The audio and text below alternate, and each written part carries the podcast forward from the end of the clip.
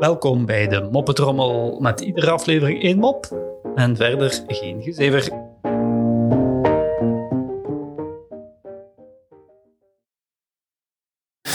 Een man ligt al geruime tijd in coma. Zijn vrouw wekt geen minuut van zijn zijde.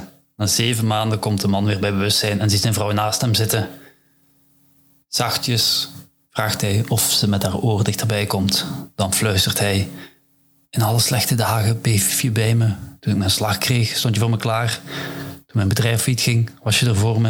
Toen ons nieuw huisje afbrandde, zijn we samen meteen op zoek gegaan naar een ander huis.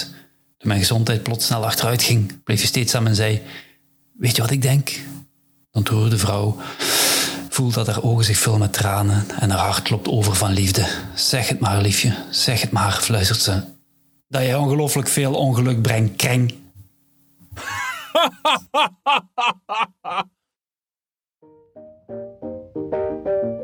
Zo, dat was de moppetrommel voor vandaag. En tot morgen.